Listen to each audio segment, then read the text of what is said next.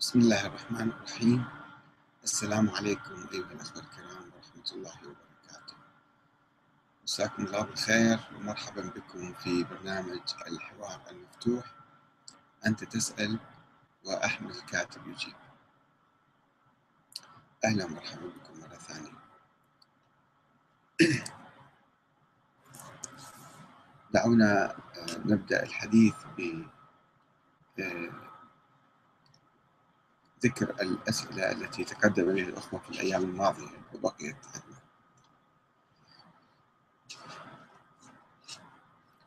حسين الحسيني أو الحسني يقول هل من الممكن أن تعطينا ملخصا لمجمل النظريات التي تظن أنها بحاجة إلى مراجعة في الفقه الشيعي؟ في الحقيقة الفقه الشيعي ما في مسائل يعني كثيرة. الفقه الشيعي يعني فقه الأئمة الإمام جعفر الصادق الفقه الجعفري.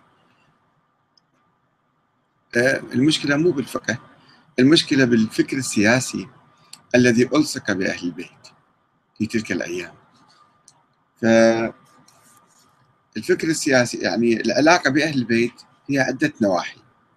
هي علاقة فقهية وهذه مسألة عادية جدا بسيطة يعني. وحب وولاء أيضا ما في إشكال ما في نقاش على ذلك. واتباع اتباعهم كقدوات وناس طيبين ثوار نستلم منهم روح الصبر والتضحية في سبيل الله وكل قيم السامية. أيضا هذا ما في مشكلة. المشكلة في النظرية السياسية أنه الإمام أو الحاكم الخليفة يجب أن يكون معصوم. ومعين من قبل الله وهؤلاء الله عينهم. يعني صار تركيب النظرية العامة عليهم. هذه المشكلة هم الأئمة ما كانوا يعترفون فيها وهي انتهت هاي النظرية. بوفاة الإمام الحسن العسكري دون ولد ظاهر حتى لو قلنا بوجود هذا الولد سرا فهي عمليا 1200 سنة إحنا ما عندنا هاي النظرية ما ممكن تطبيقها. ولذلك الشيعة الآن التزموا بالنظام الديمقراطي الجمهوري في إيران في العراق في لبنان في أفغانستان. باكستان في كل الدول يؤمنون بالنظام الديمقراطي. واتفقوا مع إخوانهم أهل السنة يقيموا حكومات مشتركة في كل مكان. وما في أي مشكلة أخرى بعد ذلك. سابقا كانت هناك مشكلة أن الحكم للعائلة العباسية أو للعلوية أو للفاطمية أو الحسنية أو الحسينية أو ما شابه. الآن الحمد لله ما في المشكلة فهذه باقي مخلفاتها هاي النظرية أو العقيدة. تسوي لنا بعض المشاكل يجب أن نتخلص من عندها فقط هاي النقطة اللي إحنا آه الأخ حسين مهدي يقول ما سبب حصر نزول الوحي بمنطقة معينة من الكرة الأرضية؟ إيه ترجع تاريخيا يا أخ حسين تجد أن هاي المنطقة هي منبع الحضارات أيضا. آه معظم الحضارات انبثقت من هنا من وادي الرافدين ومن الشام ومن مصر. وهي كان قلب العالم ذيك الأيام. بينما أوروبا كانت جليدية والبلاد الأخرى كانت بعيدة. وهناك أيضا أنبياء لم يشر إليهم الله تعالى. ممكن يكونون في بلاد أخرى. والله ذكر في القرآن أنه أنبياء يعني ما قصصنا عليكم قصصهم. أه نرجع إلى السؤال الثاني أيضا. أه أهم شيء فراس السلطاني يقول أي القراءات ترجح للقرآن من القراءات المتعددة؟ وهل القراءة المروية عن حفص أنه فاسق؟ ما ما هذا صحيح. لم ما أعرف منين جبت الكلام هذا أنت. وكل القراءات صحيحة سبعة على الأقل أو العشرة هي قراءات متواترة. وفي حركات بس نقاط وحركات تختلف. ما في مشكلة يعني. حتى لو اختلفت بعض الكلمات أيضا هي قراءات متواترة. علاء الطائي يقول هناك دلائل على أن علي أحق بالخلافة ونصوص. ويجيب لنا الغدير وآية الإنذار وأنت عشيرتك الأقربين وحديث المنزلة والولاية وآية الولاية وما إلى ذلك. يا أخي العزيز إحنا على الطائي شوف يعني إحنا يجب ان إحنا الآن نعيش مرحلة جديدة وانتقالية يعني انتقلنا من مرحلة تاريخية إلى مرحلة جديدة.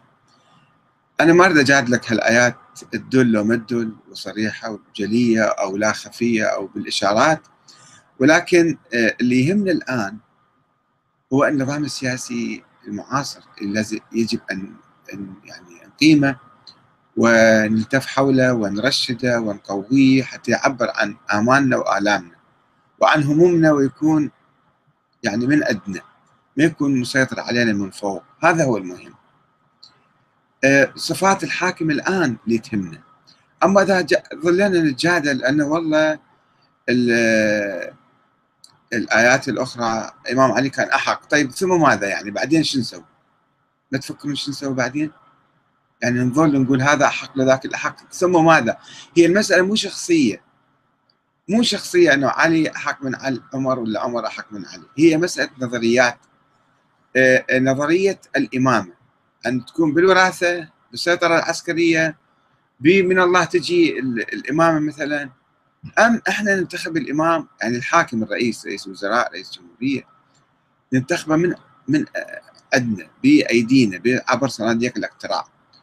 وحسب قراءتي أن أهل البيت الأوائل والشيعة الأوائل أهل البيت كانوا يؤمنون بنظرية الشورى. فلا خلاف بين أهل البيت بين علي وعمر حول أساس الشورى. ربما تحدث دائما في كل الانتخابات تحدث بعض يعني المشاكل الجزئية أو هذا يقول مثلا نسبة الانتخابات كانت أكثر أو كانت أقل أو شيء في كل العالم تحدث هذه. أه ولكن المهم مبدأ الشورى. مبدأ أن الحاكم يأتي من, من الأمة عبر الانتخابات. هذا يجب أن إحنا نجادل فيه ونجادل أولئك الذين يقولون بأنه أه بالقوة يمكن واحد يسيطر على الأمة ويشكل حكومة وخلافة إسلامية. أو بالوراثة يقول مورث الأبناء وأحفاده وكذا. أو بالانقلابات العسكرية. هذه إحنا لازم نرفضها. لا تجادلني هو علي كان أحق بالخلافة ولا عمر كان هذه قضية راحت قبل 1400 سنة. ما نقدر نرتب عليها وما نقدر نعيد عقارب الساعة اللي وراء حتى نعطي الخلافة لعلي. أصلا القضية مو هالشكل هي إحنا خلينا نفكر اليوم أي نظام سياسي يفيدنا ويخدمنا ويعني يقدم بلادنا.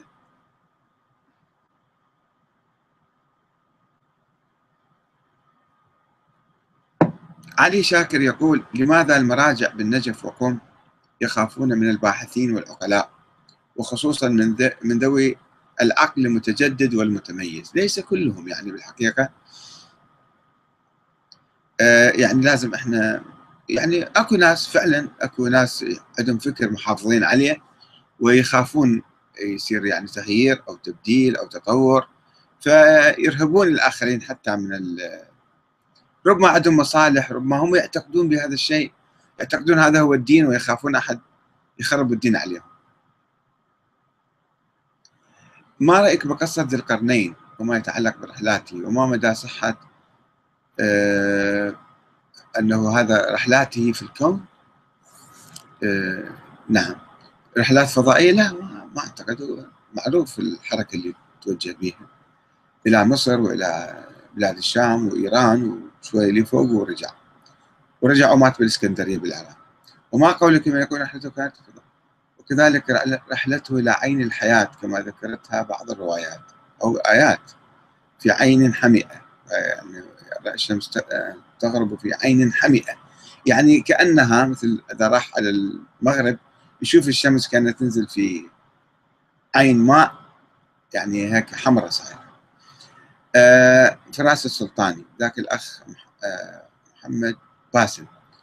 السلام عليكم ورحمة الله. ما حقيقة الأحلام وهل هناك فرق بين الرؤيا والحلم ومدى صحة كتاب ابن سيرين تفسير الأحلام مو مستند شرعي. يعني بعض الناس يقولون إحنا نشوف أحلام أحيانا تتحقق بالخارج أو تنبئ عن أشياء معينة كأن الله سبحانه وتعالى آه، يعني يلهم الإنسان شيء معين. هذا ممكن يعني أنا سامع قصص أعرف قصص أيضا ولكن ما يمكن الاعتماد عليها شرعا. فرق بين حلم الأنبياء اللي هو يعتبر نوع من النبوة وبين حلم الناس العاديين. نشوف أحلام قد هي أفكار قد هي تخيلات قد هي انعكاسات وقد هي بعض الأوقات أحلام يعني رؤى بها معنى أو بها شيء من هالقبيل.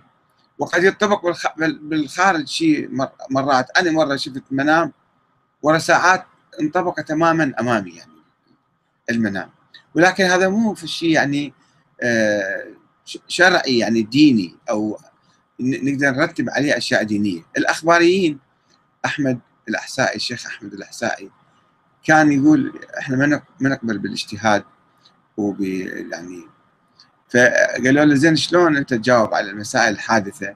قال أنا أتصل بالأئمة بالمنام ويخبروني وأسألهم ويجاوبوني. فهذا خطير الكلام هذا أنه كل واحد يفتح له دكان يفتح له نافذة على الغيب وعلى الأئمة وعلى النبي ويجيب لنا عنده أجوبة وكلام ورسائل وهذا فيصير شيء خطير. ما هو الموقف الذي تتبناه تجاه الطريقة التي تبناها فلان؟ يعني في ناس عندهم نقد للدين الله الإسلام شو أسوي لهم أنا يعني؟ أحمد القبنجي رجل يقول لك أنا ما اؤمن بالإسلام ولا اؤمن بشيء يعني هذا رأيي بعد. آه إبراهيم حسن يسأل هذا السؤال لأنه لازم تناقشه إلا مو تناقشني لي يعني. ما رأيك بطرح حامد عبد الصمد التشكيكي في برنامج ما لم أسمع به يا أخي العزيز يا أختي العزيزة زمردة يعني أنا ما اتابع ما عندي أجهزة أتابع كل العالم شو يتحدثون شو يتكلمون. هل فلسفه علي موضوعيه ذاتية لا علاقة له بالقرآن متأثرة بجلاسه كيف هذا الكلام؟ ما كورش إيلامي ما بعرف شنو تتكلم أنت. عن عن ماذا تتحدث؟ الإمام علي هو تلميذ النبي الأول والأعظم أيضا. لا زرادشتية ولا محزنون. وسلمان فارسي شنو علاقته؟ يعني واحد من الصحابة كان. فمنين جاب الكلام؟ شنو تقصد بالضبط؟ حتى نقدر نناقشك أما بصورة عامة. عباد الرحمن يقول هل الروايات التي تقول أن هذه الآية نزلت بحق الإمام علي؟ ومن يتولى الله ورسوله والذين آمنوا فإن حزب الله هم الغالبون. هاي التأويلات شوف الآية مطلقة الآية عامة. ربما كان مصداقا من مصادقها الإمام علي. نعم وهو أيضا مصداقا من مصادقها. بس الآية هي مو جاية لفترة الإمام علي فقط الآية إلى يوم القيامة القرآن هذا إلى آخر الدنيا. فالآية هي عموما تولى الله ورسوله والذين آمنوا. يعني آه، ليش إحنا نقصرها على شخص واحد أو على شخصين أو جماعة؟ جواد القطراني يقول ماذا ترى بخطاب السيد مقتدى الصدر؟ وما هو تكليفنا كعراقيين بعد كل مسلم هذا مو شغلتي يا أخي العزيز. أنت الصدر أنا ما ما أعرف خطابه شنو أصلا حتى أقول لك شنو الموقف. يعني هذا أيضا الأسئلة الشخصية أرجوكم. اسئله الشخصية فلان شنو قال؟ فلان شنو حكى؟ فلان شنو تكلم؟ فلان هذا مو يعني أنا لا أقدر أتابع الناس ولا أقدر أعلق عليها أيضا. فكل واحد هو يشوف يعني ينظر ويسمع ويشوف ذاك الشيء يقول ويتخذ موقف عنده. فما له علاقة بي. أنا أهم شيء أنا متخصص تقريبا بالفكر السياسي الإسلامي. عندي كتب تشوفوه وراي يعني. عن الفكر السياسي الشيعي عن الفكر السياسي السني عن الفكر السياسي الوهابي. وأيضا عندي مقالات عن الزيدي أو مقاله بالاحرى وعندي عن الوحدة الإسلامية عندي عن الخلافات بين الأمة الإسلامية. آه، أنه خلافات دينية جوهرية ولا خلافات قشرية سياسية تاريخية. فأنا أرى أنه الوحدة الإسلامية الأمة الإسلامية هي متحدة وواحدة وخلافه في القضايا التاريخية والسياسية. عندي كتاب لماذا تفرق المسلمون؟ الحقيقة والوهم في الخلاف الطائفي. أنا مركز على يعني معالجة مشكلة المشكلة الطائفية والخلافات الطائفية وأريد اقرب بين الناس وأقول هاي الخلافات الباقية بين السنة والشيعة. هاي خلافات تاريخية آه، يعني زالت وانتهت الجوهر مالها انتهى وباقية قشورها. باقية يعني مخلفاتها. فيجب أن نحاول نتخلص من هذه المخلفات حتى نشكل وحدة إسلامية إن شاء الله. محمد باسم يقول آه اللي أنا كبديت الكاتب عالم سبيط النيلي هو من قال في أحد كتبه بأن رحلة ذي القرنين كانت فضائية. روح اسأل أنا شو خصني فيها يا أخي يعني هذا يعني تأويلات كل واحد يتكلم في الشيء بكيفه خليه يتكلم. شو نسوي له يعني إحنا؟ شنو دليله شنو؟ على شنو مستند؟ كل واحد يجي يتخيل خيالات ويتكلم هذا يعني يعني شنو أسوي له يا أخي العزيز؟ سواء فلان أو فلان أو أكبر مرجع يقول هالكلام. روح اساله له يعني؟ أنا ما عندي علاقة بالموضوع ولا أعرف الشيء هذا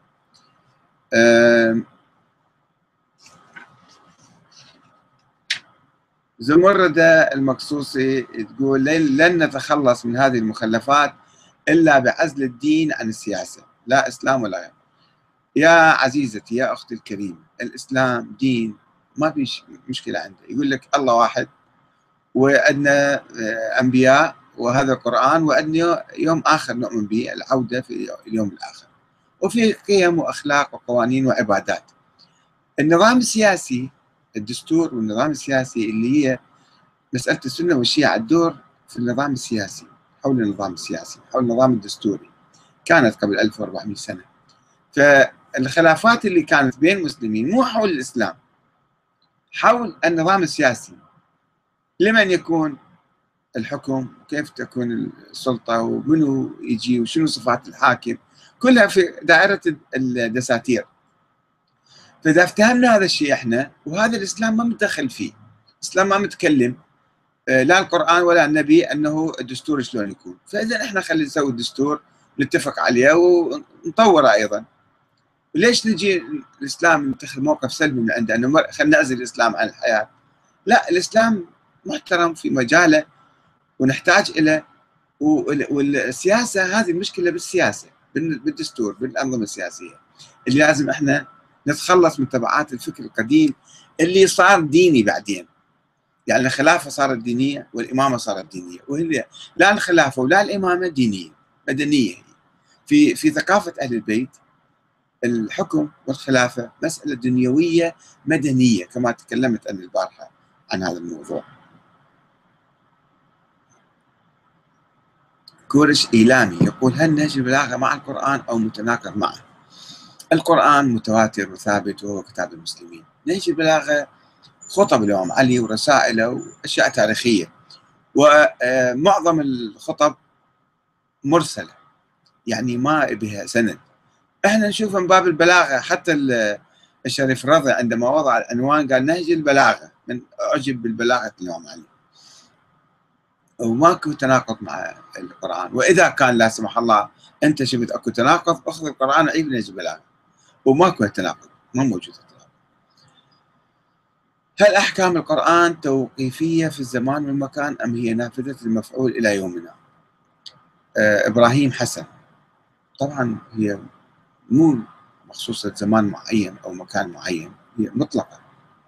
بس أنت تجتهد في بعض الأحكام في بعض الظروف في بعض المسائل. ممكن واحد يجتهد حتى عمر بن الخطاب اجتهد في عام المجاعة مثلا رفع موضوع القطع. قال هذا. صار سرقات هواي وكذا وعلى شو تسوي بعد؟ إذا نقطع الناس كان قطعناهم كلهم. والآن تقول أنت مثلا في مجاعة صايرة الناس سرقات بالآلاف بالملايين دي يسرقون نجي نقطع كل الناس مثلا ما يصير. على أي حال يعني يمكن تجتهد في بعض المسائل.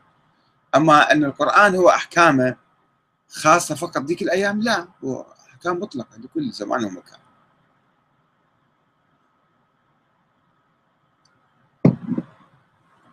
الأخ عباس كاظم المدحي يقول أخي اتق الله واحرص على عدم التأثير سلبا على المتابعين الأعزاء.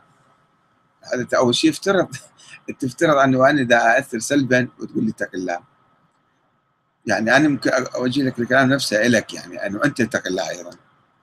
يعني إحنا نعتقد أنه ما نؤمن به نقوله ما نجي قشمر الناس ونضحك عليهم ونكذب عليهم أو نظلهم مثلا أنت تعتقد هذا شيء سلبي؟ كيفك؟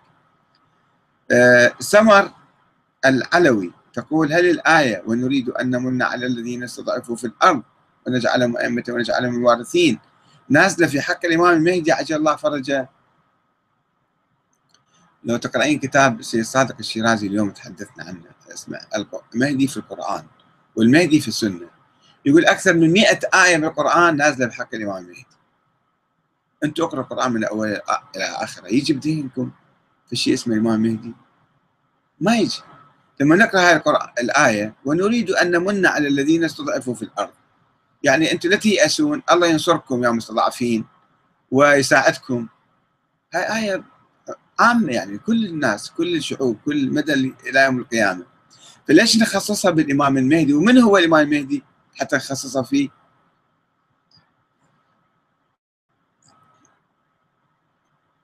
هذا الأخ كورش إلامي عنده كلام بدي أقوله بس كل ساعة يسأل في سؤال ويتكلم جزء من كلامه. يقول أنت كاتب هل سمعت تأثير الزرادشتية وخاصة سلمان الفارسي على محمد؟ لا ما سمعت. حوار مع حامد عبد الصمد عن تأثير سلمان على نبي محمد. أنا ما أعرف عبد الصمد ولا أعرف كذا. يعني كل واحد يتكلم كيف يعني. الأخت زمردة تقول هذه العلة من له الحق ومن هو الأجدر؟ وهنا الفرق. لعل له الحق لكن ليس جدير. يحكمنا شخص عادل مهما كان دينه أو مذهبه. وأغلبنا كقاعدة لا نميز ونتبع العاطفة. شكرا لرحابة صدر يعني فعلا هي يعني الآن شوفوا في لبنان مثلا. لحود كان رئيس وزراء. كان أفضل من كثير من السنة والشيعة. رجل وطني مع المقاومة في مقاومة الصهاينة في يعني يعني مو ضرورة حتى لو كان مسيحي يعني يكون سيء. ومسلم أفضل من عنده. لا وشوف واحد مسلم يبيع كل شيء ويقتل ويذبح ويدمر ويسوي يعني ما له علاقة بالدين. الحكم يا حاكم وطني شريف مخلص صادق يمكن واحد يتخذه. علاء العنبر يقول المؤسسة التي تؤمن بالخرافات هل يصح السير معها والانقياد لها؟ يا أخي علاء العنبر أنت جاوبت نفسك بنفسك. يعني شلون؟ يصح؟ أحنا نسألك الآن. يصح واحد يؤمن في رجل أو مؤسسة أو شيء يؤمن بالخرافات والأساطير. نمشي وراه ونتبع على خرافاته وأساطيره. أم يجب أن نراجع أفكارنا. آه نعم. مفكر حر الباحث مفكر حر الباحث. يقول ما رأيك بنظرية خفاء العنوان لمحمد الصدر؟ هي مو نظرية بالحقيقة إنما يقول المهدي مثلا موجود بس ما نعرفه منه هو فعنوانه مخفي. فهذا مثل كلام على أي حال. شنو صحته شنو مدى صحته شنو؟ أول شيء أثبت وجوده بعدين قل لي هو موجود ومختفي مثلا. الأخ عبد تايمز عبد تايمز يسأل هل أنت سني؟ أقول لا يا أبي لا سني ولا شيعي. السنة والشيعة نظريات سياسية حزبية نظرات دستورية وهاي نظرات قديمة تاريخية بائدة ما موجودة الآن. رغم بعض المخلفات موجودة منها. وإحنا الآن نؤمن بالنظام الديمقراطي نؤمن بالشورى. آه، السنة يعني السنة هم أساس الحنابلة. يسموهم سنة. آه، أحمد بن حنبل كان يؤمن بالانقلابات العسكرية. أن يجوز أي واحد يسوي انقلاب عسكري يصير أمير المؤمنين. آه، أبو حنيفة ما كان يؤمن بذلك كان يؤمن بالشورى. يقول لا ما يصير. لازم الشورى الحاكم يجي. فالسنة مات بها تيارات عديدة ومذاهب عديدة. ونظرية الشورى تلتقي مع نظرية أهل البيت. كما أنه حصل انحراف عند بعض المذاهب آمنت بالانقلابات العسكرية. بعض الناس أتباع الأئمة أيضا صنعوا لهم نظريات بأنه يجوز الإمامة بالوراثة وهذا ما له علاقة بأهل البيت لأن أهل البيت كانوا يؤمنون بالشورى كما كان أبو حنيفة يؤمن بالشورى.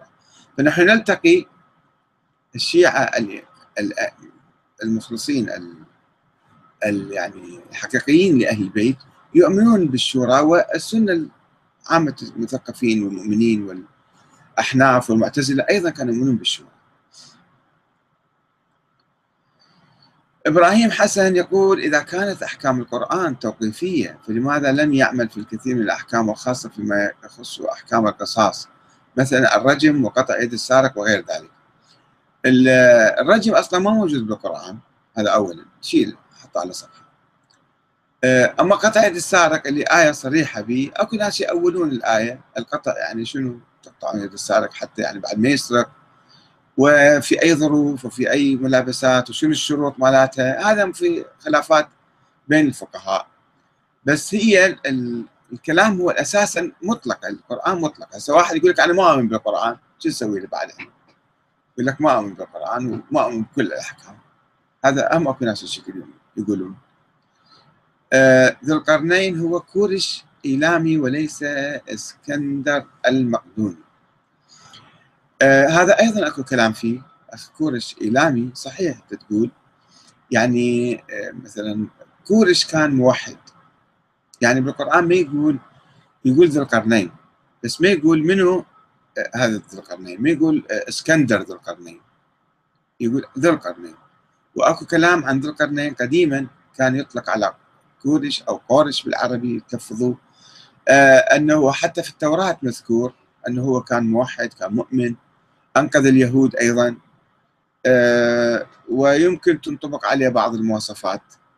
فهي الصورة مو دقيقة مو واضحة. يعني القرآن موضحة. من هو كور من هو مثلا اللي القرآن يمدح بأنه يعني كان مؤمن وكان موحد وكان يعني بينما مثلا ذو القرنين المعروف الإسكندر المقدوني هذا كان يعني وثني ما كان مؤمن بالله تعالى. فالصورة مو واضحة يعني من يعني القرآن؟ هي سؤال غامض وجواب غامض محمود شاكر يقول متى حصل أول انشقاق في الصف الإسلامي؟ وهل هو سياسي أم ديني؟ قلنا قبل قليل الانشقاق اللي حصل بين المسلمين لم يكن حول الدين لم يكن حول الإسلام إنما حول السياسة. أول يوم اجتمعوا في سقيفة بني ساعدة فلأنه الإسلام ترك هذا الشيء القرآن النبي محمد ترك موضوع الدستور وموضوع الحكم لم يتحدث فيه ترك العقل الإنساني لكي يتطور حسب الظروف والزمان والمكان ويهتدي بهدي القرآن. يهتدي بالعدل واحترام الناس واحترام حقوق الناس يعني هذه المبادئ الإسلامية اللي جاء بها. ف أنه الأنصار قالوا أهل المدينة قالوا إحنا نسوي أمير من عندنا. وما كانوا يعرفون لازم يسوون دولة عالمية مثلا لا. هم كان قبل ما يجي النبي كان دي يحكون أو يصوغون تاج إلى عبد الله بن أبي زعيم الخزرج. أنه هذا يتوجوه ملك كانوا اجى النبي محمد خسر الملك ماله هذا. وظل هو دائما يعني مزعوج بالنبي محمد لذلك يسموه منافق. يعني دائما كان يتحدى النبي ودائما شاغب ويسوي مشاكل. لما مات عبد الله بن أبي في آخر أيام النبي سنه تسعه أعتقد أه سعد بن عبادة ورث الزعامة مالت الخزرج والأنصار. سعد بن عبادة واحد من 12 واحد اللي راحوا هم جابوا النبي النقباء يعني. ورادوا جماعته إنه اجتمعوا الأوس والخزرج حتى ينتخبوا إلى يعني أمير عليهم. فدخل المهاجرون القرشيون وقالوا لا إنه إحنا الآن مسوين تقريبا شبه دولة نواه دولة. والعرب ما راح يقبلون إذا أنتم سويتوا إمارة لكم وينفضون عنا. فإحنا نسوي دولة عربية يعني على كل الجزيرة العربية. وبالتالي رأيهم تقريبا ترجح والأنصار ما تبايعوهم وهم أقاموا دولة قرشية بالحقيقة. دولة قرشية أبو بكر وعمر وعثمان كلهم من قريش كانوا. ولذلك مثل معاوية حتى اجى قال أنه الخلافة في قريش صارت نظرية بعدين. انه الخلافة في قريش الناس اللي من ذاك الصوب شرق الجزيرة في البحرين وفي عمان وفي اليمامة وفي كذا قالوا لا ليش الخلافة في قريش؟ خلي الخلافة لكل المسلمين. وبالتالي حتى الخوارج اللي خرجوا بعدين عندهم مبدأ انه الخلافة مو في قريش. رفضوا هذا الكلام. اللي سووه حديث هو مو حديث عن النبي. القرشيين سووه قال رسول الله بعدين ركبوه على رسول الله. فصار خلاف سياسي إنه من يحكم كيف يحكم الحكم لمن؟ هم حتى أهل أهل نجد أو اليمامة كانوا منافسين لقريش من قديم. وحتى رادوا يعني يحتضنون النبي لما كان في مكة مطارد. قالوا له بس شنو؟ أعطيني الحكم إنه بعدين. النبي قال لا هذا أنا ما أعطي لأحد بيد الله تعالى. فظلوا حتى لما أسلموا في آخر سنة السنة التاسعة والعاشره ظلوا هم يريدون هم يكونون لهم كيان وفي تنافس وبالتالي خرجوا في صار خوارج وصار. والعرب أيضا شافوا دورهم ما موجود ما لهم حصة فثاروا على قريش لما قتلوا عثمان.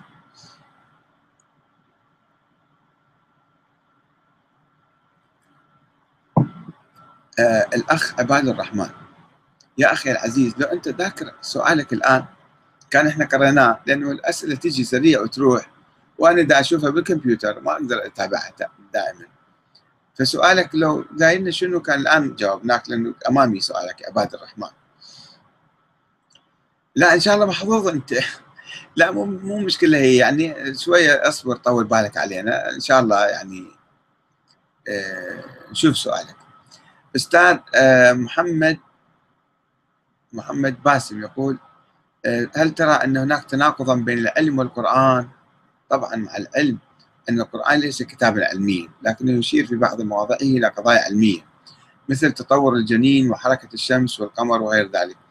أحيانا لا ما طبعا ما يمكن نؤمن أو نصدق أو نقبل أن يكون في تناقض بين العلم والقرآن. إنما أحيانا يصير فهم مغلوط. يعني مثلا ابن باز أو بعض السلفيين حتى من قديم كانوا يعتقدون مثلا الأرض الشمس تدور حول الأرض أو الأرض منبسطة من بعض المفاهيم اللي عندهم. أنه اسمه الأرض كيف سطحت مثلا أو كذا. يعني هو فهم قد يكون خطأ. مو بالضرورة أنه القرآن متعارض مع العلم. الفهم المغلوط للقرآن قد يتعارض مع العلم صحيح. أما القرآن يتعارض ما شفنا شيء حتى الآن. آه إذا نعم عبد عبد التايم يقول هل أنت سني؟ أقول له لا أنا لا سني لا شيعي أنا مسلم حط الإسلام على صفحة هذا علاقة بيني وبين الله تعالى. في مسألة الدستور والنظام الحكم أنا أؤمن بالنظام الديمقراطي. لا أؤمن بالفكر السني الخلافة والحكم العسكري كما أحمد بن حنبل يقول ولا بالوراثة ولا بمثلا الصبغة الدينية للحكم. ما في. ما عندنا بالإسلام الحاكم في شيء مقدس وهذا خلافة مقدسة ويعني في الشيء يعني هذا من الله مثلا أو ولا إمامة ولا إمامة هم ما موجودة الإمامة بالإسلام. يعني الحكم مدني الإمام علي وأهل البيت يعتقدون الحكم مدني عرفي. دنيا مسائل دنيوية مو مسائل دينية. فأنا أؤمن بالنظام الديمقراطي. يجب أن نكرس هذا الإيمان وهذه الثقافة ونقوي هذا النظام حتى نقدر يعني ندير بلادنا بشكل جيد. الشعب كله يساهم في إدارة البلاد وفي مراقبة الحكام ومحاسبتهم وأمر بالمعروف ونهي عن المنكر حتى لا يصيروا طغاة مستبدين استبداد مطلق. ف مو سني لا سني ولا شيعي بذاك المعنى. أما حب أهل البيت فكل المسلمين يحبون أهل البيت مو مشكلة عندنا. التقليد يحول المقلد صنما. في واحد ينقل قول إلى أحد الخطباء اسمه خطيب فلسفي يقول هذا يقول عن قول المجتهد يقول هذا ليس قول المجتهد وإنما قول إله المجتهد. هذا خطأ. المجتهد عندما يفتي في رأيه أو يقول في الكلام هذا مو معنى رأي الله تعالى. هذا ظن هو يظن هذا رايه قريب من الإسلام أو قريب من الدين. ما يقدر يقول هذا رأي الله تعالى وبالتالي اللي يخالفني يخالف الله. واللي يطيعني يطيع الله. لا. أنت إنسان قد تكون جاهل ما دارس زين قد يكون عنده هوى عنده شبهات عنده انحياز عنده كذا. فشلون إحنا نقول الفقيه عندما يفتي مثلا كلامه كلام الله يصير؟ لا مو كلام. هذا كلمة جدا كبيرة. وفعلا إذا إحنا أخذنا واحد وش ما يقول؟ نقول له صحيح ونتبعه إذا أحل لنا الحرام نقول له أحسن. إذا حرم لنا الحلال نقول له أصبت وأحسن. هذا صار صنم صار إله يعبد من دون الله. يعني اتخذناه رب. كما أن المسيحيين لما إجوا للنبي وفي القرآن أنه المسيحيين اتخذوا أحبارهم ورهبانهم أربابا من دون الله. فقالوا لها أنت شنو تتهمنا اتهام يا نبي الله يا محمد؟ تتهمنا تقول أنتم اتخذتوا أحباركم ورهبانكم أربابا من دون الله. ما عندنا هالشيء هذا. وين؟ اعترضوا على النبي محمد. النصارى. فالنبي قال لهم يعني مو قاعد تسجدون لهم تركعون. هذا لو يفهموه ذول جماعتنا أهل الوهابية والسلفية. توحيد الطاعة. توحيد الطاعة يعني أنت تطيع الحاكم في المعروف. فإذا أمر بمنكر ما تطيعه إذا راح سوى حرب إجرامية ما تروح وراه تركض تصفق له إيه أحسنت بارك الله فيك. إيش ما يسوي الحاكم؟ يقتل يذبح يجرم يبيع البلاد يوالي الأعداء يعادي الأصدقاء. أقول له إيه كل كل ما تسوي زين كل ما تقول صحيح. هذا شنو صار؟ صار عبادة. صار عبادة هاي هذا تقليد. تقليد مو بس الفقهاء ترى التقليد. تقليد الحكام أيضا. هذا أكبر من تقليد الفقهاء. الفقهاء كم مسألة بسيطة يتكلمون فيها. بس دول الناس اللي يتبعون الحكام متخذين الحكام أصنام من دون الله. هذا أيضا ما يجوز. أه محمد باسم يقول أه محمود شاكر. أه أخ جاسم يقول عليك السلام ورحمة الله. يرى من يقف بالضد من شرعنة الحكم الإسلامي أن المسلمين لم يكونوا يعرفون مفهوم الدولة بالمعنى السياسي وإنما كانت دعوة إلى نشر الدين فقط. هل يفهم من كلامك أنك تؤمن بقيام دولة إسلامية على أسس ديمقراطية؟ الإسلام هو للمجتمع. المجتمع إذا هو مسلم هو عنده قوانين إسلامية ويلتزم بالإسلام والقضاء مثلا يعمل بحسب الشريعة الإسلامية. الدولة الدولة اللي هي النظام السياسي الحكم من يأتي لكي يحكم لكي يدير مشاكلنا. يحل مشاكلنا يدير شؤوننا يتابع قضايانا يدافع عنا هذه قضايا كلها تستوحي يعني قيم من الدين ولكنها قضايا علمانية قضايا مدنية قضايا دنيوية عرفية. هاي ما لها علاقة بالدين. فمو أنه نسوي دولة إسلامية على ديمقراطية على أسس ديمقراطية. لا إحنا كمجتمع مسلم عندنا قيم وعندنا تقاليد وعندنا قوانين وعندنا أحكام. وعندنا أعراف وثقافات معينة. ما يمكن نغير هالأشياء عندنا بس الدولة شنو؟ الدولة هذا الآن شوفوا الآن أنتم مثلا العفو. شوفوا مثلا الآن في العراق. أه حيدر العبادي. حاكم. حاكم منتخب بصوره ديمقراطية وهو ما ينظرون الناس إلى أنه هو مقدس. لذلك ينظرون الإنسان عرف يعني مدني ويشوفون دائما يحاسبوه بالبرلمان أو بالشارع ينتقدوه هو أو غيره. أنا أجيب مثل يعني لا مناقشة في الأمثال. أن إذا سوى زين وعمل اشتغل عدل وعبر عن طموحات الشعب وآماله ويقولون بارك الله فيك أحسن ننتخبك مرة ثانية مرة ثالثة مرة رابعة مثلا وإذا أخطأ وخربط وما عرف شلون يدير الأمور وراح مع الأعداء وعاد الأصدقاء وسوى فتنة داخلية وخلى الحرامية واللصوص ينهبون ويسرقون. فالناس يثرون عليه يقول بعد ما اريدك روح بطل يعني النظرة مدنية مو نظرة دينية. إحنا نريد الحكام دائما هكذا. لا نحط حالة مقدسة عليهم. وهذا أهل البيت علمونا إياه. يعني من أول يوم شوفوا الإمام علي هو تلميذ الرسول الأعظم. التلميذ الأعظم للرسول الأعظم. الإمام علي يقول يخاطب الناس ويفهمهم للثقافة الناس ذيك الأيام ما يعرفون هالسوالف عندهم بسرعة يعبدون الحاكم ويقدسون الحاكم وبعد ما. يعني بعض الناس مش كل الناس فالإمام علي يقف يقف في مسجد الكوفة ويقول لهم بس مسجد الكوفة أو مكان ثاني الله أعلم يعني بس المهم ألقى هاي الخطبة العظيمة موجودة في الكافي وفي نجيب الآخر أنه إني في نفسي لست بفوق أن أخطئ ولا آمن ذلك من فعلي. فلا تكفوا عن مقالة بحق أو مشورة بعدل. يعني إذا شفتون أن مدى أعدل شيروا علي بالعدل مشورة بعدل. قول اعدل يا علي بن أبي طالب أنا ما أنزعج من الكلمة هذه. فلا تكفوا عن مقولة بحق. إذا عندكم في الكلام حق تقولوه لا تخافوا من عندي تعالوا قولوا لي. يعني شنو أنا؟ يعني أنا مو مقدس. يعني دي أعلمهم للناس. لا ينظرون إلى كأمير المؤمنين. خلص بعد هو يعرف كل شيء. الآن مع الأسف الشديد بعض الناس ينظرون الشيوخ مو العلماء مو المراجع. الشيخ إذا أجي خلص بعد هذا ما يقول على المنبر كلامه صحيح. المرجع إيش ما يفتي فتاوى صحيحة ما يصير نناقشه فيها. أنت تفهم أحسن من عنده؟ إيش يقولوا يقولوا لك. هو هذا يعرف كل شيء هذا مرتبط بالغيب مثلا. هذا مو صحيح. فيجب أن ننظر للناس نظرة للمراجع للعلماء للشيوخ للحكام. نظرة موضوعية نظرة مدنية عرفية. هذا العالم حتى لو لابس لباس ديني. طبعا إحنا ما عندنا بالإسلام شيء اسمه لباس ديني. هذا يعني لما صار تحول بين التاريخ بين الثقافة القديمة وبين المجتمعات الغربية الثقافة الغربية الناس قاموا يلبسون بنطلونات وقمصان وكذا. الناس سابقا كلهم كانوا يلبسون عمايم مثلا. الآن تروحون للسودان تروحون لأفغانستان تشوفون كل الناس لابسين عمايم.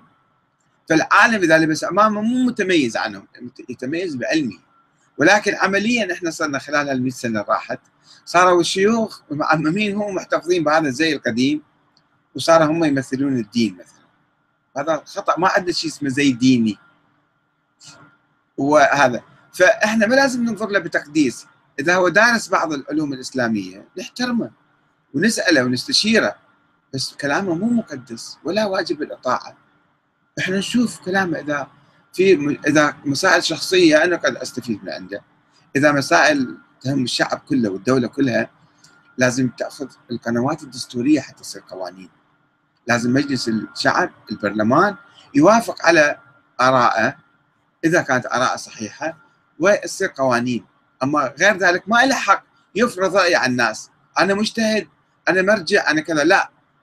مرجع على عيني وعلى رأسي نسالك نستشيرك بس كلامك ما يصبح قانون إلا حسب الدستور. خلف عزيز يقول أليس هناك تناقض بين الديمقراطية والإسلام؟ فالديمقراطية تعني حكم الشعب والإسلام يعني حكم الشرع. والقوانين التي شرعت بموجب الشريعة الإسلامية. لا ما في تناقض أخي العزيز.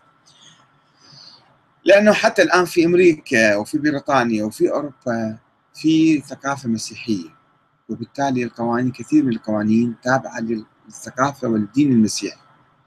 هذه مسائل القضاء ومسائل الزواج والطلاق وأشياء كثيرة مثل عندهم حسب قوانينهم. ال ال الإسلام حكم الشرع وين؟ مو بالحكومة. في قضايا فردية أو شخصية أو بعض القوانين العامة. حكم الشعب هو في اختيار الحاكم. هذا الحاكم اللي إحنا ننتخبه هذا يكون إحنا نجيبه. وإحنا نحطه وإحنا نحاسبه وإحنا نغيره. بعض الناس يعني بعض السلفيين بالحقيقة يرفضون الديمقراطية يقول هذا تناقض يصير بين حكم الله وبين حكم الشعب.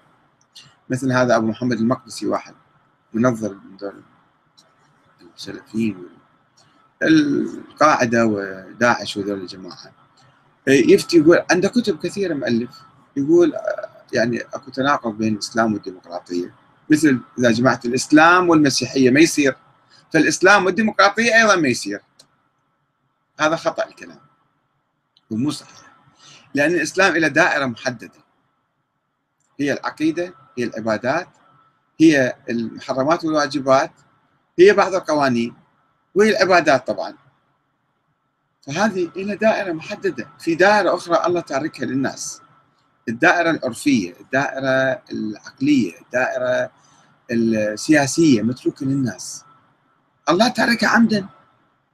ليش إحنا بالقوة يعني نفترض بعض الناس يقول لك شلون؟ النبي ترك الأمة سدى. اي تركها سدى. أنت شو خصك ده هو النبي تركها سدى أنت ليش متحمس يعني تفترض في شيء آخر؟ مو سدى ترك العقل الإنساني ترك الناس. لأنه ما يمكن النبي أو الله سبحانه وتعالى يحط لك حكام إلى يوم القيامة واحد بعد واحد. دائما يصير عليهم خلاف. هم الشيعة الإمامية يختلفوا في معناته كل ما يتوفى إمام يختلفون على الإمام التالي بعده فشلون لو كان الأمة الإسلامية كلها متبع متبعة هذا المنهج؟ كان يوميا الأمة الإسلامية كلها اختلفت على منو الإمام بعد بعد الإمام. شلون نعرف الإمام؟ بالناس بالوصية بالمعجزة بالعلم بعلم الغيب. ما يمكن يعني هذا نظرية خيالية وهمية ما لها وجود نظرية الإمامة. فالنظرية الديمقراطية ما تتعارض مع الإسلام. النظرية الديمقراطية تقول هذا الحاكم إحنا ننتخبه زين بس يعمل مثلا بالشريعة الإسلامية يعمل بالإسلام.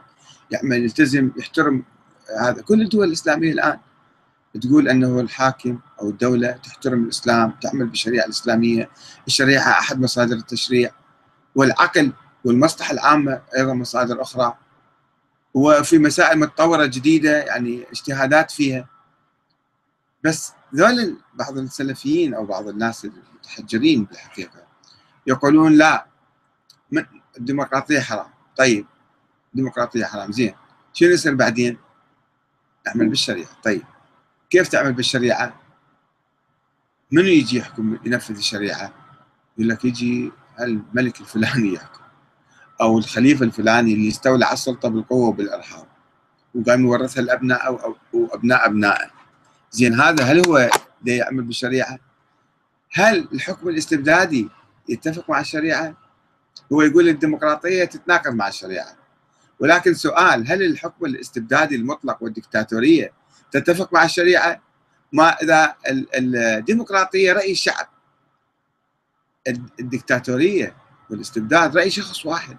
هو شلون ما يريد يسوي؟ كيفه كل يوم يقلب حتى لو قلب على الشريعة هم حسب الثقافة السنية الثقافه السلفية حزب التحرير وكل الحركات اللي نادي بالخلافة.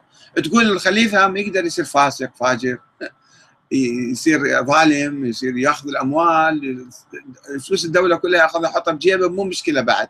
هو خليفة صار هذا بعد هو حر. زين هذا يتفق مع الإسلام يتفق مع مبادئ الإسلام. ما يشوفون إنه الاستبداد والدكتاتورية وال الدكتاتورية المطلقة 100 مرة تتناقض مع الإسلام. أما الديمقراطية فالشعب مسلم. يعني يؤمن هو مسلم هو معتنق الإسلام ويحترم الإسلام وبالتالي ما راح يتناقض مع الإسلام وراح الحاكم ينجبر يحترم الإسلام أيضا. فهذه معادله مغلوطة يعني أن الديمقراطية ضد الإسلام اذا فخلي الدكتاتورية تجي مكان لو شلت الديمقراطية شو يصير؟ حكم وراثي ودكتاتوريه يصير. في الدكتاتوريه يعني زين تتفق مع الإسلام؟ شوف شلون التفكير يعني. أنا ما أقول على خلف عزيز بس الناس اللي يقولون هالشيء أه يسأل سؤال آخر الاخ خلف عزيز. ليس فقط الأحوال الشخصية. فمثلا الإسلام يحرم الربا والبنوك التي يكون أساس عملها الربا. هذا مثال واحد. هذه مسألة الربا هو أساسا يعني أنت شوف فلسفة الربا شنو. فلسفة الربا إنه سابقا كان الناس يعطون فائدة وتصاعد الفائدة في أوروبا وفي حتى في البلاد العربية يعني في الجزيرة.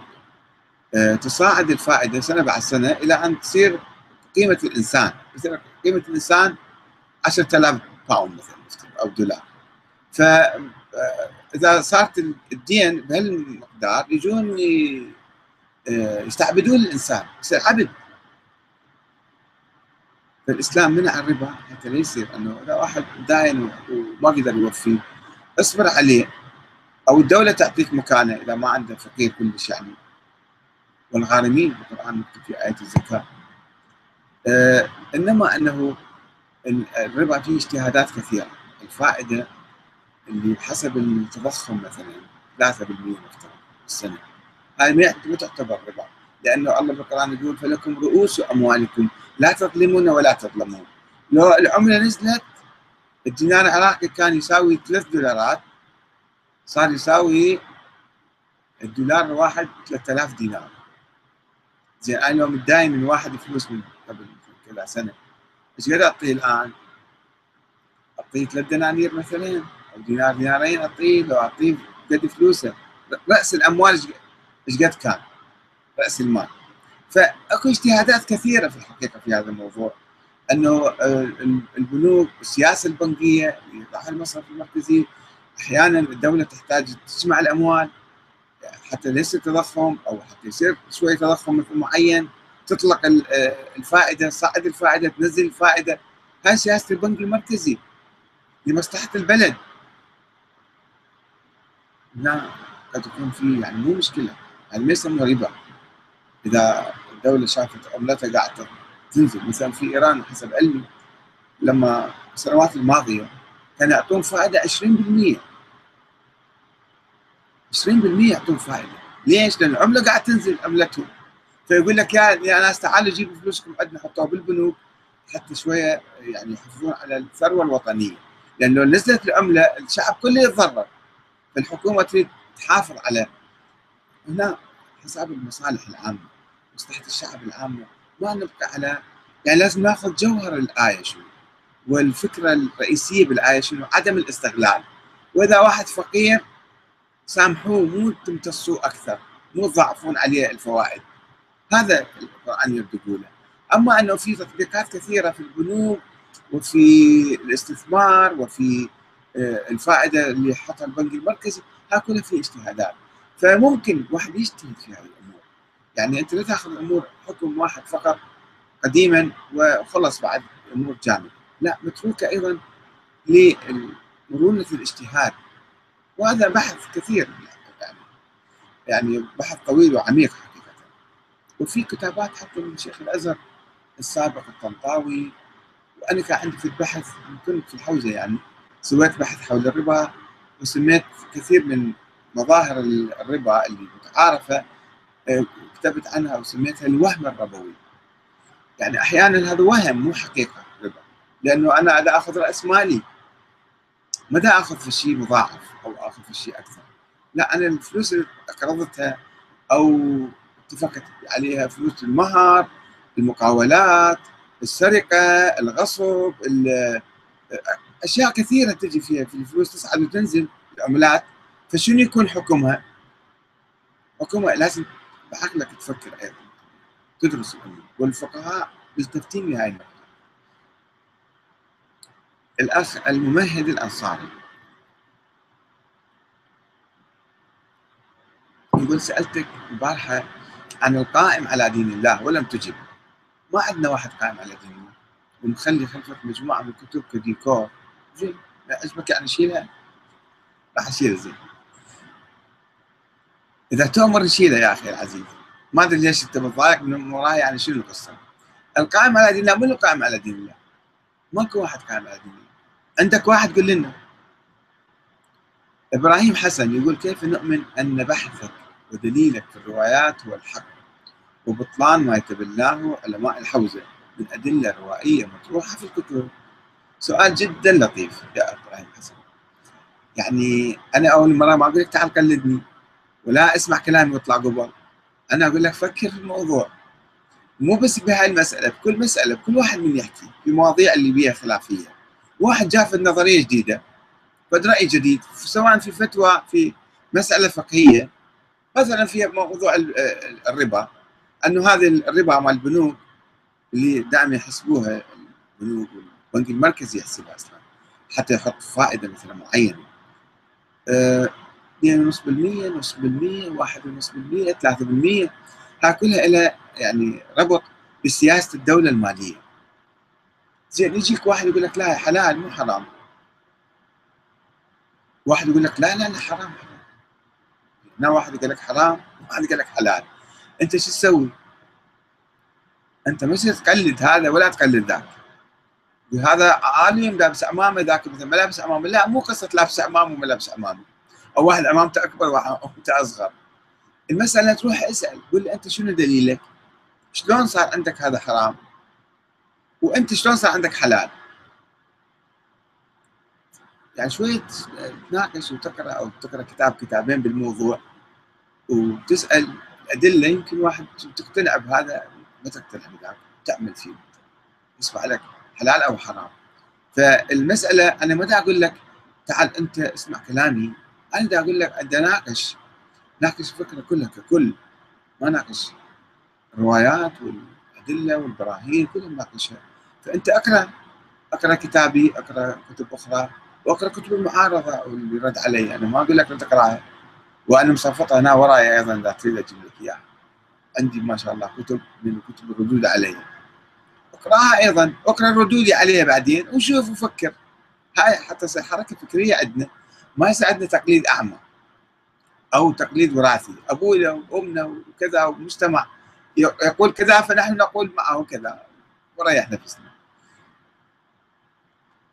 ف هذا يتوقف عليك يا أخي إبراهيم. أنت إنه تطلع على مختلف الآراء وتفكر فيها وتشوف. يا رأي صحيح. عباد الرحمن يقول يمكن فصل الدين عن السلطة لكن لا يمكن فصله عن المجتمع. صحيح أنا هذا الكلام اللي قلته. أنا قلت الدين حتى بالسياسة.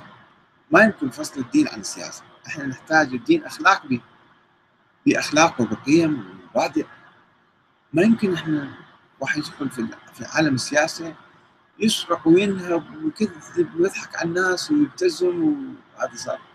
بدون دين. بينما الانسان المؤمن عندما يدخل في عالم السياسة يعني يدخل لخدمة الناس. وما يسوي فتن ما يسوي مشاكل ما يسوي حروب. ما يرفع شعار حتى هو يصعد. حتى يصعد بالانتخابات أو يسوي له شعبية ويسوي له فتنة طويلة عريضة. لا اللي يتقي الله يخاف الله ما يسوي شيء. أو يسرق أو ينهب أو كذا أو يستغل أو يضرب المعارضة بقوة وبعنف يكسرهم. أي واحد ينافسه بالانتخابات يطلق عليه إشاعات مثلا. هذا من أهل الضلال أحسن شيء. بالانتخابات. كل واحد يقول للاخر هذول من أهل الضلال من الفرقة المنحرفة الداخلة بالنار وأنا الفرقة الناجية. فأنا لازم أكسر ذاك واسقطه وأسوي عليه دعايات مضادة وزيحه من السلطة. هذا حرام. أنا إذا أدخل بالانتخابات مو أنا شخصيا يعني أي واحد يعني إذا مؤمن حقيقة. يراعي حرمات الناس حتى المنافسين. ما ينتقدهم انتقاد يعني انتقاد أكثر من اللازم يعني بدون حق. شوف الإمام علي شو يقول لا تكفوا عن مقالة بحق أو مشورة بعدل. يعني هو حاكم يقول أنتم انتقدوني بس انتقدوني بعدل. وكذلك بالتنافس الانتخابي. إذا عندنا منافسة مو أنا للأسف الشديد بعض علماء أو مشايخ مشايخ شيوخ اثنين في قرية أو خطباء اثنين. آه، الواحد إذا ما عنده دين مثلا يحاول يسقط ذاك الشيخ الثاني. يقولون قصة طريفة أجيب لكم إياها يقولون شيخ ذهب يبلغ بالقرى والأرياف مر على فرد قرية. شاف فرد شيخ لابس عمامة ومسيطر على القرية هذه ويستفيد كثير من عندهم وذاك الشيخ وهذا شيخ عالم دارس كذا كلامه حلو. فصعد على المنبر تكلم الناس التفوا حوله. الشيخ القديم الأمي الحوزة الأمية يعني انزعج آه، شلون راح يكسرني راح الناس كلهم يكون حواليه. فقال خل أسوي له امتحان ذول جماعتي كلهم بسطاء وسذج وما يعرفون هو يعني. أسوي امتحان واكسره بيه أضحك عليه أخليه اطرده اجى قال له شيخنا أنت شيخ الأمي. قال له الشيخ العالم. قال له تعرف تكتب حية؟ قال اي بس جاب له ورقة قال له اكتب والله حية. قال كتاب حية؟ هذا الشيخ الامي شنو سوى؟ والحواليه الأميين مساكين. رسم صورة حية. قال لهم بالله عليكم يا هاي الحية هاي الحية لو هاي الحية. ذول الناس البسطاء ما يعرفون يقرون ويكتبون. قال لا والله الحية مالتك صدق هاي حية. فقال شو هذا؟ ما يفتيم هذا الشيخ. يعني أحيانا التنافس والحسد بين العلماء يقولون كثير يعني إنه بس عالم شوية يسعى ناس قاموا خمس مثلا. الله يرحم سيد دائما أتذكر يعني. سيد محمد حسين فضل الله شنو ليش ليش الحملة عليه أكثر ما علي أنا مثلا؟ أنا قلت يا المهدي ما مولود أصلا وكذا. كتبوا كتب عليه بس ما كتبوا ضال مضل وسووا حملة على المنابر ويسبون ويشتمون ويكفرون ويضللون. سيد محمد حسين فضل الله مسكين شنو سوى؟ لا قال الإمامة العصمه مو صحيحة والإمامة مو صحيحة ولا المهدي مو موجود ولا كل ما قاله هو أنه أشك في قصة الهجوم على الزهراء. ما يطب بعقلي ما يطب براسي. ناس كلمه بسيطة. أوه يعني. ليش؟ لأنه سحب البساط من جوا رجليهم الخموس وكذا بعد كله قام يروح للسيد قبل والناس المثقفين في مختلف البلاد قاموا من هناك يتوجهون إليه. صار هو المرجع الاعلى فخافوا. قال لك أحسن شيء نكسره ونسوي ضال مضل وفاسق وكافر وكذا حتى نقضي عليه. فالتنافس يصير أحيانا. آه، هم عبرنا إحنا آه، آه، سألتني أنت عن فصل المجتمع. خالد يعني سلطة الدولة ومرجعيتها القانون، سلطة الدين ومرجعيتها الضمير، وسلطة الدولة ومرجعيتها القانون. صحيح مو الدين يصبح قوانين أحيانا. فإذا دخل بالدولة بالقوانين الدولة يصير قوانين. آه، الدين هو أساسا سلطة ضمير صحيح. يعني يمكن ألعب بالقانون حتى وألتف على القانون بس إذا عندي دين راح أمشي حسب أخاف الله يعني ما راح بعد يعني ألعب كثير. آه هذا سؤالك أجبنا عليه مرتين. يا عباد الرحمن لا تزعل من عندنا إن شاء الله. عندك أصدقاء ترى ها؟ آه خلف عزيز يقول شكرا أستاذنا كلامك مقنع أو منطقي أحسن بارك الله فيك. آه محمد باسم يقول أنت كباحث ومفكر ما هي الكتب الدينية التي تنصح الشاب اليوم بقراءتها؟ بحيث تمنحه رؤية منصفة بعيدا عن التعصب والتقليد. نستفيد من تجربته والله سؤال صعب لأنه لازم تقرأ كل شيء. اقرأ من كل الاتجاهات وكل التيارات وكل الآراء. حتى تقدر وتوازن بعقلك وأنت تحكم بعدين. ما أقدر أقول لك أقرأ هالكتب ولا تقرأ فلان. لأنه هذه شغلة لازم الإنسان هو يكون عنده قدرة على التمييز.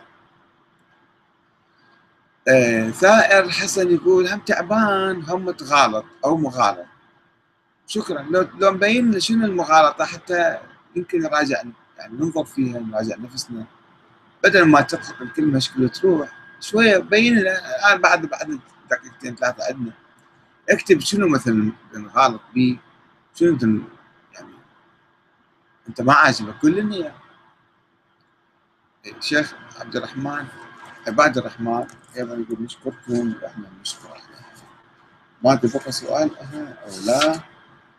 آه لا أسئلة الليلة الماضيه خلصناها الحمد لله. آه ويبدو بعد قريب يعني ننهي جلستنا هذا اليوم. وتصبحون على خير والله يسلمكم. شكرا جزيلا لحضوركم معنا وأسئلتكم وأنا مسرور بلقائي معكم إن شاء الله. السلام عليكم ورحمة الله وبركاته.